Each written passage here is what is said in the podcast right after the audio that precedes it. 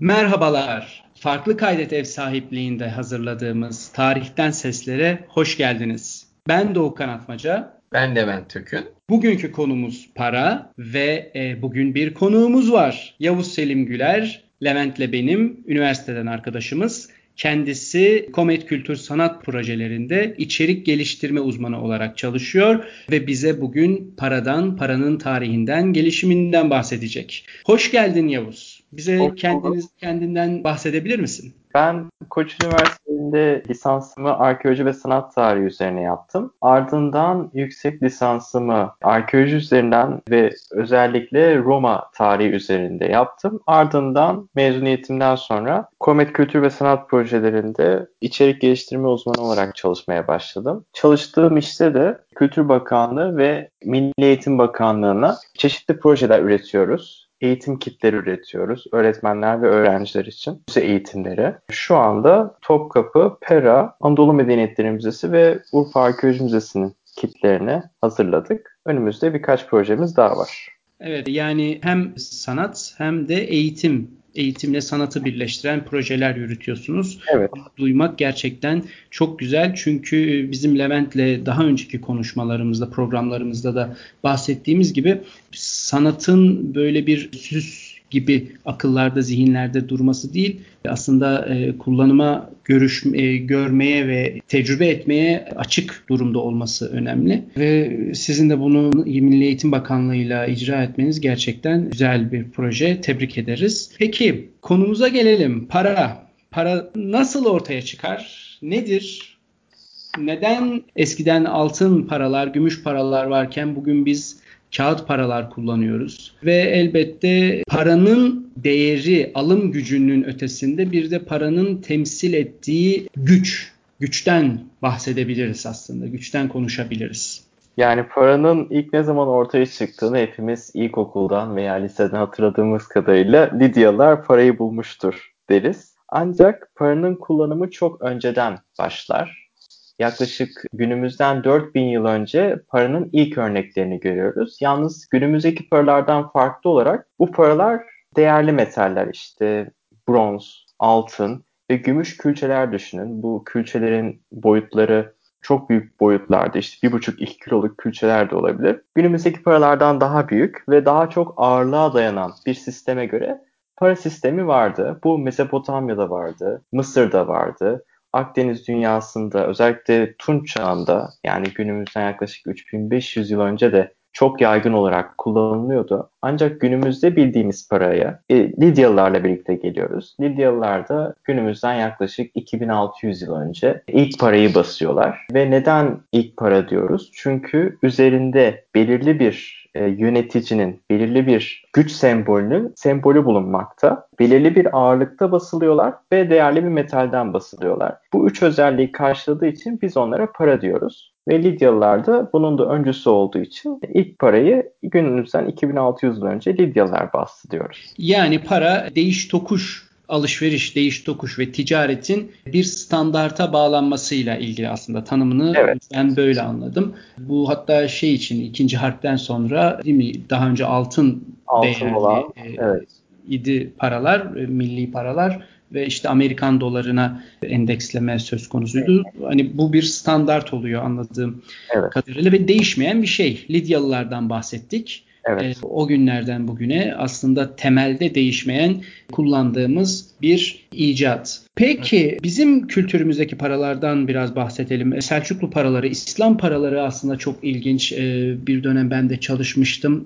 İlk başlarda İslam toplumunda, İslam'ın ilk yayın, yayıldığı bölgelerde, Arap Yarımadası ve Kuzey e, Suriye, Irak coğrafyasında Bizans paraları da kullanılıyor ve ilk İslam paraları aslında senin bahsettiğin gibi bir kralın, yöneticinin mührü olmasına rağmen, isminin yazılı olmasına rağmen Bizans formunu devam ettiriyorlar. Yani böyle üstlerinde evet. zannedersem haçlı bildiğin böyle aziz e, tasvirleri var şöyle bir olay oluyor. O dönemde Roma paraları yani bizim e, Bizans dediğimiz e, devletin paraları ekonomide çok güçlü. Yani günümüzdeki doların dolar neyse o zaman da Bizansların kullandıkları ve onların bastıkları paralar en ön sıralarda yer alıyor. Ticarette en çok tercih edilen paralar. O yüzden e, yeni çıkan İslam devletleri, Emeviler, Abbasiler onların ağırlık sistemlerini kullanıyorlar. Ağırlık sistemlerini kullanmaların dışında hani o paranın güvenilirliğini de biraz göstermek için parayı Bizans parası formunda basıyorlar.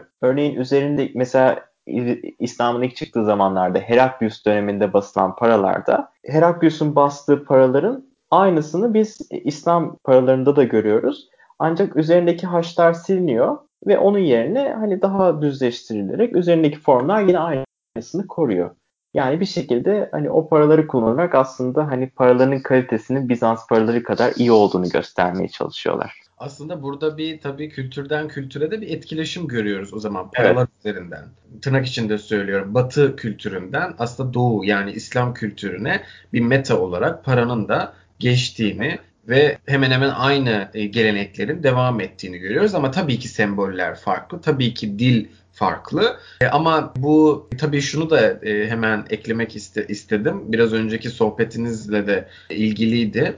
Orada hani Lidyalılarda o otoritenin yani artık kimse onun sembolünün basıldığını belirttin. İlk onlarla başladığını söyledin. Herhalde anladığım kadarıyla ondan önce böyle bir otorite hani sembolü olarak kullanılmıyor paralar. Ee, aslında kullanılan bir tane var ama şöyle bir olay oluyor. Yani Lidyalılardan yaklaşık bir 100 yıl, 150 yıl önce günümüz Gaziantep topraklarında egemen olan bir kral var. Adı Barekup.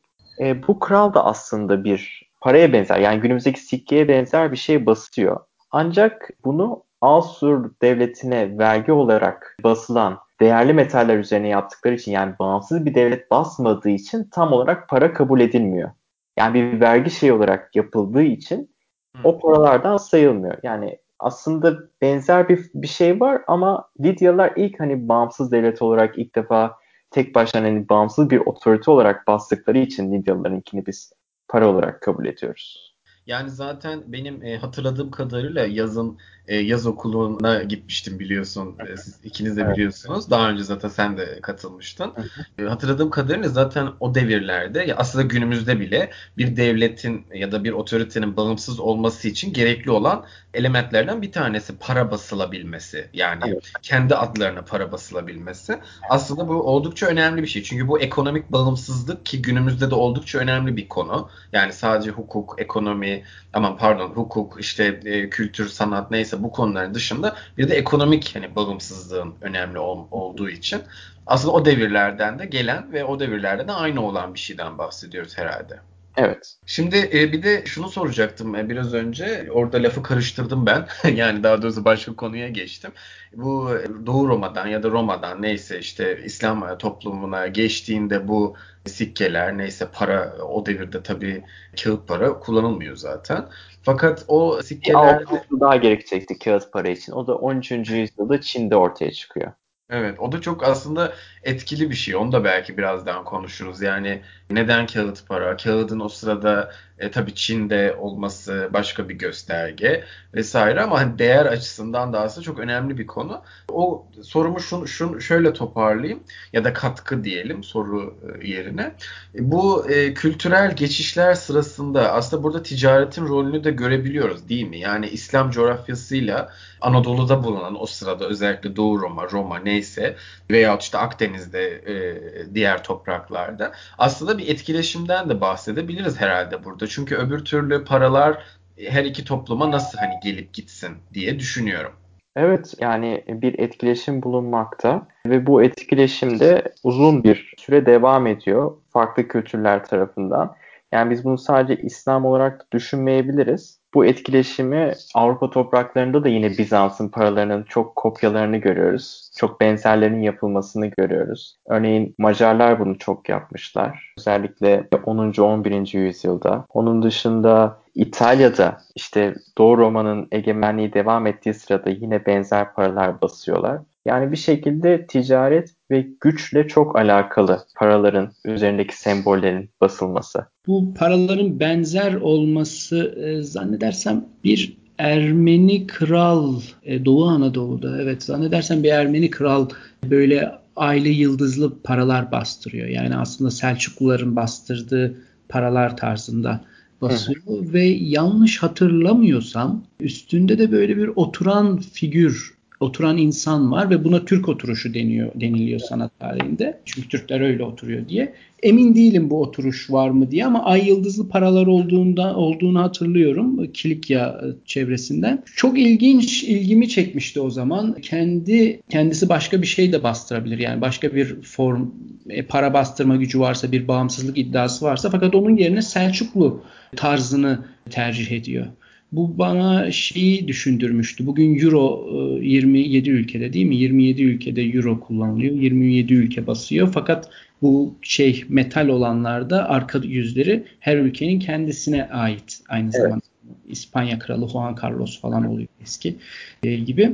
E, bu bunu nasıl yorumlamalıyız? Yani bu bir tanınma vesilesidir şüphesiz. Belki o çünkü bugünkü gibi kitle iletişim araçları yok. Yani bir para yeni bir para basıldığı zaman devlet tarafından bunu nasıl duyuruyorlar? Elbette bugünkü gibi değil.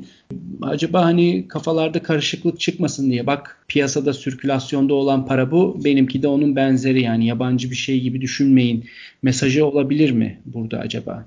Hem o var hem de burada tabii kültürel bir olay da var. O zamanlarda e, Ermeniler e, Selçukluların e, egemenliğinde de olduğu için yani basallığında da olduğu için onlara benzer paralar da basıyorlar. Yani bir şekilde aslında şey göstergesi olarak basallık göstergesi olarak da öyle bir şey basılabiliyor. Bunu biz aslında Osmanlı'nın ilk paralarında da görüyoruz. Mesela Orhan Bey'in bastırdığı paralarda tarz olarak şeyin tarzını tamamen İlham Devlet'in tarzını görüyoruz paralar üzerinde. Motifler olsun, ondan sonra işlenişler olsun. Tamamen İlham Devleti'nin tarzını görüyoruz. Bu nedenle bu tarzla birlikte aslında arkasında bir fikri de şey yapıyorlar. Yani hani bağlı oldukları ya da yükümlü oldukları yeri de aslında gösteriyorlar. Yani Osmanlı ilk döneminde de aslında paralarda öyle bir olay var. İlham Devleti'nin etkisini görebiliyoruz. Evet. O da çok ilginç bir olay. Yani burada o zaman hani kültürel etkileşim de tabii söz konusu. Evet. Diğer daha böyle güçlü ya da baskın kültürden gelen etkiyi orada paralarda evet. görebiliyoruz sikkelerde. Evet. Ve meşruiyet anlaşılan yani kafa karıştırmamaya çalışıyorlar anladığım evet. kadarıyla. Peki bu Roma paraları yahut İskender paralarından konuşabiliriz bahsetmiştin. İskender paralarının bu Roma paraları gibi geniş çapta bir kullanımı olmuş mu? Çünkü İskender kültürel etkileşimden bahsetti ya Levent. İskender'in bir efsaneye dönüşmesi ve hem Avrupa'da, Avrupa kültürlerinde hem Doğu Akdeniz'de ve İran'ı da kapsayan hatta ötesini Hindistan'ı da kapsayan bir coğrafyada ortak bir karakter olarak ortaya çıkması işte İskender nameler gibi. Hı hı. E, böyle bir durumu var İskender'in ki imparatorluğu da bu coğrafyaları kapsıyordu aslında. İskender çok ilginç bir şey gösteriyor aslında. Sen bir şey soru soruyordun ben orayı sözünü kestim pardon. Estağfurullah. Peki İskender'den sonra yani mesela biz e, Fatih'te bile daha sonrasında bile hep bir İskender olma hevesi görüyoruz. Peki para içinde böyle bir şey söz konusu mu? İskender İmparatorluğu dağıldıktan sonra ve senin diyeceğini tabii ki duymak istiyoruz. İskender İmparatorluğu'nda ilginç bir olay var. Aslında bizim İskender döneminden çok fazla elimize geçen para yok. Halbuki çok fazla para basılıyor İskender döneminde. Sonuçta İskender Pers İmparatorluğu'nu yıktığında çok büyük bir hazine devralıyor Perslerden. O hazineden hep paralar basıyorlar ve çok ciddi üzerinde Herakles'in işaretinin olduğu ve daha sonra İskender'le bütünleşen o klasik dalgalı saçlı İskender motifi bütün Akdeniz'den Mezopotamya ve Hindistan coğrafyasına kadar e, yayılıyor. Ardından İskender'in ardıl devletleri de İskender'e meşruiyetini göster yani e, meşruiyetini İskender'den alarak paralar basıyorlar ve çok uzun seneler boyunca İskender'in yüzünü paralar üzerinde kullanıyorlar. Ardından e, krallar kendi yüzlerini kullanmaya başlıyorlar. Ama hep İskender e, tarzına gönderme yaparak yani hep İskender'e gönderme yaparak. Şöyle bir şey oluyor e, Doğukan senin dediğin bu hani gelecekte İskender nameler ortaya çıkıyor. Avrupa'da da, da Doğu'da da İskender'le alakalı yazı çizilen çok fazla şey oluyor. Avrupa'da özellikle İskender romansları ortaya çıkıyor. Paralarda da çok ilginç bir olay görüyoruz. Ve bu ilginç olayı da aslında Anadolu'da görüyoruz. Güneydoğu Anadolu'da. Yaklaşık 12. 13. yüzyıl civarlarında Artuklular paralar basıyorlar. Ve bastıkları paralarda İskender'in yüzünü kullanıyorlar paraları üzerinde. Arkasında yine yerel işte yöneticinin Artuklu beyinin ismi yazıyor ama yüzünde paraları kullanıyorlar. Yani İskender döneminden kalan paraları kullanıyorlar. Tabii hani o paraların İskender döneminden kaldıklarını bilmiyorlar ama o dalgalı saçlar ve e, yüz ifadesinden İskender olduklarını düşündükleri paraları işte o bölgeler çok fazla bulunuyor. Mesopotamya'da çok ciddi para basıldığı için. O, o yüzden hani topraktan çok çıkıyor o paralar. Onları buldukça aa diyorlar bu İskender deyip onları basıyorlar. Halbuki o paralar aslında daha sonraki dönemlerde işte Selevkoslar Devleti yani Mezopotamya'daki İskender Ardıl Devlet'in bastığı paralar. Başka bir kralın paraları ama onu İskender olarak düşünüp onun üzerinden hep öyle paralar basıyorlar ve orada bir aslında propaganda yapıyorlar. Yani o İskender Name ile birlikte gelen işte o İskender kadar güçlü bir e, yönetici olmak, işte onun e, meziyetlerine sahip olmak. Bunları da aslında paralarla birlikte bir şekilde göstermeye çalışıyorlar. Yani aslında belki de yayının en can alıcı sorusuna bu e, senin de propaganda atıfınla geçebiliriz ama onun öncesinde ben her zaman konusu açıldığında söylemek istediğim ve hep tebessümle andığım hatta işte bazen de güldüğümüz hep beraber bir anımı anlatmak istiyorum. İskender'in bu e, saçıyla ilgili, dalgalı saçıyla ilgili. Siz ikiniz de biliyorsunuz e, benim saçım uzadığında çok değişik bir dalgalı oluyor. Değişik bir hal alıyor. Çok değerli hocamız Çiğdem Baner de hep e, sevdiği için bu derslerde öğrencilerle etkileşimde bulunmayı bana hep şey demişti. İlk daha birinci sınıftaydık yanlış hatırlamıyorsam ders alırken bu saç biliyorsun İs- İskender'in saçı herhalde bir akrabalığınız var diye böyle bir espri olmuştu. Yani, Onu da söylemek istiyorum. yani sen de yarın öbür gün paramı paranı basarsan İskender motifini kullanacaksın evet. kendin diye. Değil mi? Onu demek istiyorsun Levent. yani işte artık ne anlaşılırsa şimdi öyle bir şey söylemek istemem. Meşruiyeti bu yolla kazanacak Levent işte. Bak. evet. Evet. Yani buradan e, propagandaya bağlayabiliriz aslında. Çünkü İskender'le tabii İskender'le başlamıyor bu propaganda olayı paralarda. Bunu söyledik zaten. Ancak e, İskender ve sonrasında oldukça artıyor anladığım kadarıyla bu propaganda amaçlı kullanılması. Hatta günümüzde de zaten devam eden bir olgudan bahsediyoruz. Her ne kadar Doğukan'ın söylediği gibi kitle iletişim araçları, e, sosyal medya işte bahsettiğimiz gibi bunlar çok arttığı için buralarda da yapılabiliyor propaganda. Ancak tabii ki paraların da önemi bu propagandada kullanılması, siyasi amaçlarla, kültürel amaçlarla kullanılması bunlar oldukça önemli göstergeler. Belki gerek günümüzden gerek tarihten birkaç örnekle bu konuyu biraz daha konuşabiliriz diye düşünüyorum.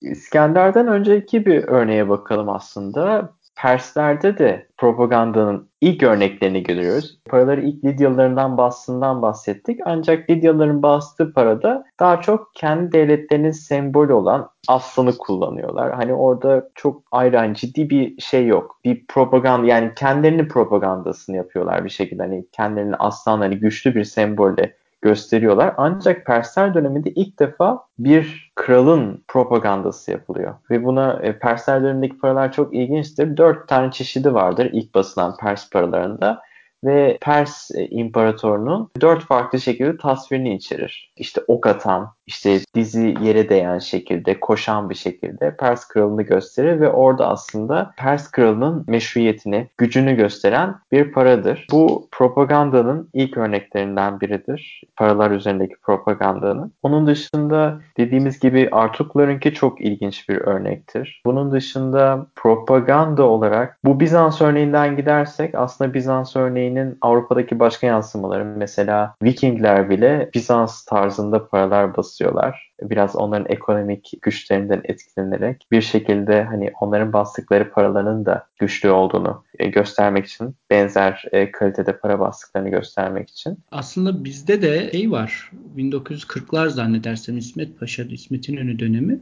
Almanya'da basılıyor bazı Türk liraları ve mark e, tarzındalar. Amerika'da basılıyor. Onlar da dolar tarzında ama işte Almanlar mı bombalıyor savaş zamanı yani. O paralar Türkiye'ye gelmiyor galiba. Ee, öyle bir durum bizde de var. İsmet İnönü'nün paraları evet o o çok ilginç bir olaydır. Yani onu bombalamıyorlar diye biliyorum. Yani gemi batıyor ve paralar suyun altına gömülüyor. O yüzden o paraların yani şu an kaç lira olduğunu hatırlamıyorum ama ve onlar Almanya'da basılmıyorlar sanırım. İngilizler basıyor diye hatırlıyorum. Gemi suyun altına gömüldüğü için hani paralar suyun üzerine çıkıyor ve e, şu an piyasada e, hani koleksiyon olarak satılan o paralar hep su zararı görülür o paraların üzerinde. Hani hep böyle bir su zararı vardır. Hiç böyle hani iyi durumda olan yoktu. O da çok ilginç bir olaydır. Dediğim gibi biraz Alman parasına benzeyen bir para basıyor İsmet İnönü ancak onda ilginç bir olay vardır. Gemi batar ve işte o gemiden çıkan paralar şey yapılır. E, senin var mı mesela en para koleksiyonunda var değil mi? Evet. Benim, benim de e, var çocukluğumdan beri çok hoşuma giden bir meşgalem. En sevdiğin para gibi bir şey var mı böyle aklında? Yani en sevdiğim para. Mesela ben bizim Türk liralarının e, 7. emisyondu değil mi o? Şimdiki kaçıncı emisyon? 13 oldu mu? Hatırlamıyorum. Ben de artık saymıyorum son şeylerini. Galiba 9. emisyonu bu YTL'ye geçmeden öncekileri ben çok seviyorum onların kompozisyonunu. Çünkü para hani hep propagandadan konuşuyoruz. Aslında para aynı zamanda da bir işte bu propagandanın bir yani bugün de bir aracı eskiden değil sadece hatta bugün çok daha farklı olabiliyor. Yani işte biliyorsunuz birçok ülke plastik paralara geçti ve bunların şeffaf filigranları var. Hani acaba bu şeffaflığı mı? Benim aklıma onu getiriyor mesela. Belki böyle bir mesaj yok. Bunu tasarlayanların öyle bir fikri yoktu ama o parayı kullanan bir vatandaş olarak benim aklıma bu geliyor. Ve bizim Türk paralarında da hani bakardım koleksiyonumda bunları yerleştirirken böyle Türk motifleri görüyorum. Hani arkada çiçekler var. Çiçek motifleri gibi şeyler. Geometriler var. Geleneksel sanatlarımızdan ve başka paralarla kıyaslardım bunları. Gerçekten bir ülkenin kültürüne, tarihine yahut neyi göstermek istediğine dair mesajlar okunabiliyor aslında. Kasıtlı yahut kasıtsız. Yani bir toplumsal bir e, fikir de verebiliyor. İşte mesela Euro e, hepsinde mimari var. Bir ülkenin değil yani ortak bir ortak para birimi için ortak bir kimlik üzerinden, mimari üzerinden gitmişler. Bir Avrupa mimarisi çalışmışlar. Şöyle o plastik paralarla ilgili bir şey söylemek istiyorum. Şu an günümüzdeki banknotlar pamuk bazlı bir maddeden yapılıyor ve bu yapılan banknotlar çok zarar görebiliyor. Çok e, kullanımları kısa süreli oluyor. Plastik paralarda kullanım süresi daha uzadığı için insanlar aslında plastik parayı biraz daha yavaş yavaş tercih etmeye başladılar. Özellikle İngiltere'de bu yapılmaya başlandı. Ardından İsrail bunu yapıyor. Çeşitli ülkeler de bu plastik paralara geçtiler. Koleksiyonumdaki en sevdiğim para dersen yine banknot örneğini verebilirim.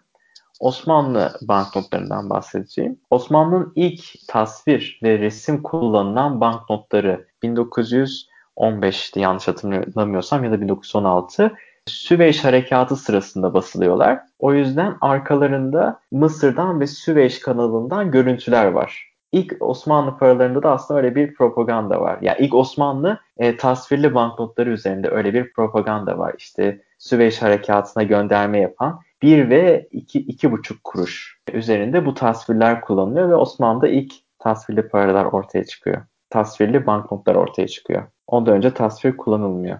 Yani gerçekten kitlelere ulaşmak için çok güzel bir araç aslında. Yani devletlerin, yöneticilerin vermek istedikleri mesajlar için gayet uygun bir durum. Benim aklıma şöyle bir şey geldi bu konuşma sırasında. Biraz geriye gideceğim hani Osmanlı'dan tabii.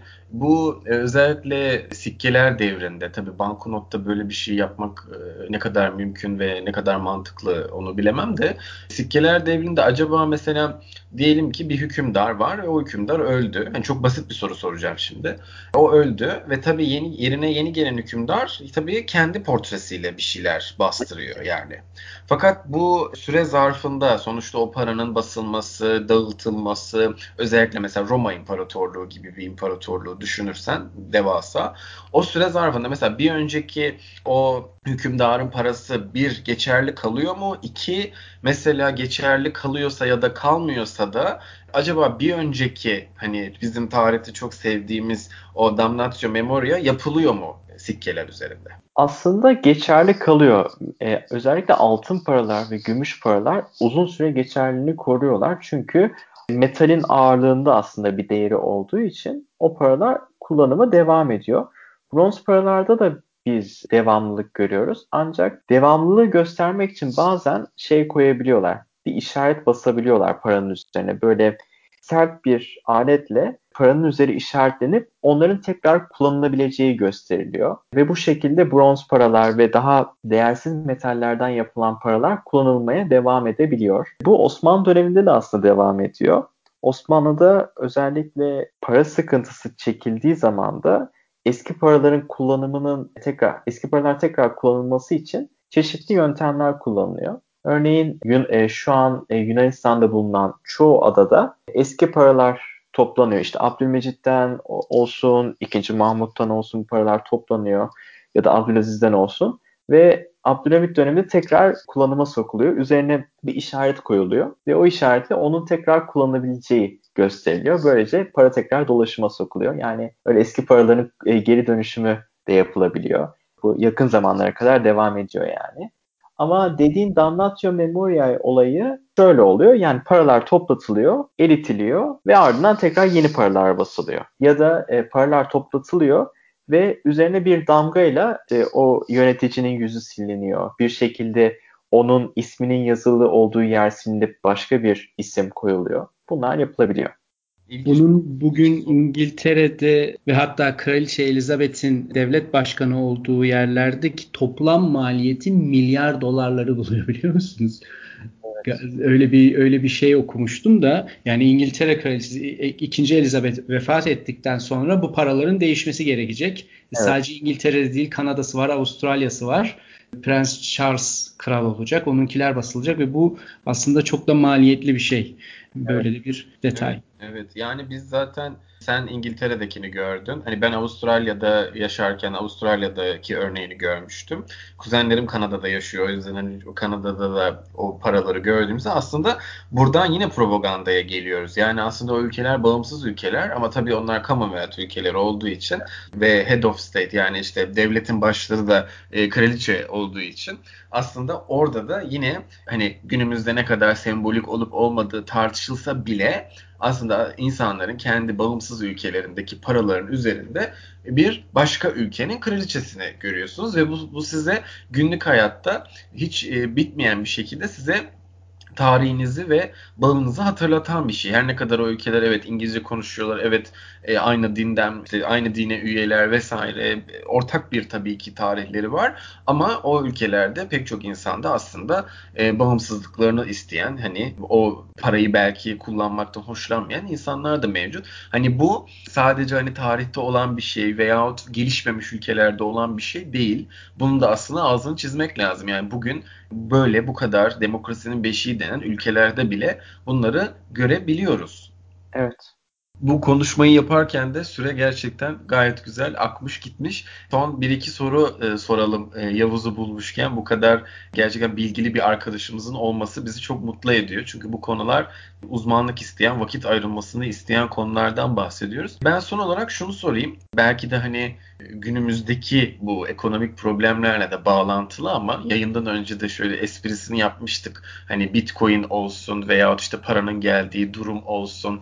Bu paradan nasıl kurtulabiliriz ya da yerine ne alabilir gibi olsun. Pek çok aslında günümüzde de devam eden tartışmalar e, söz konusu. Yani bu paralar böyle madeni para olarak ya da banknot olarak kalacak mı? Her şey online'a mı dönecek vesaire. O zaman propaganda bu işin neresinde kalır gibi böyle bir beyin fırtınası var bir konu hani e, açıp bununla belki kapatabiliriz diye düşünüyorum. Sen ne düşünüyorsun? Ee, şöyle biraz hani geçmişten bir örnek vererek aslında düşünebiliriz. Aslında banknotlar da çıktığında insanlar bir böyle şaşırıyorlar. Çünkü ilk defa değerli bir metal olmayan ve hiçbir değeri olmayan bir kağıt parçası hani para e, işlevi görüyor. Özellikle Osmanlı'da ilk banknotlar piyasaya sürüldüğünde insanlar bunu şey olarak kabul etmiyorlar. Yani e, uzun bir süre işte altın kabul ediyorlar, gümüş kabul ediyorlar ama banknotları hiçbir şekilde kabul etmek istemiyorlar ve buna da çok direniyorlar.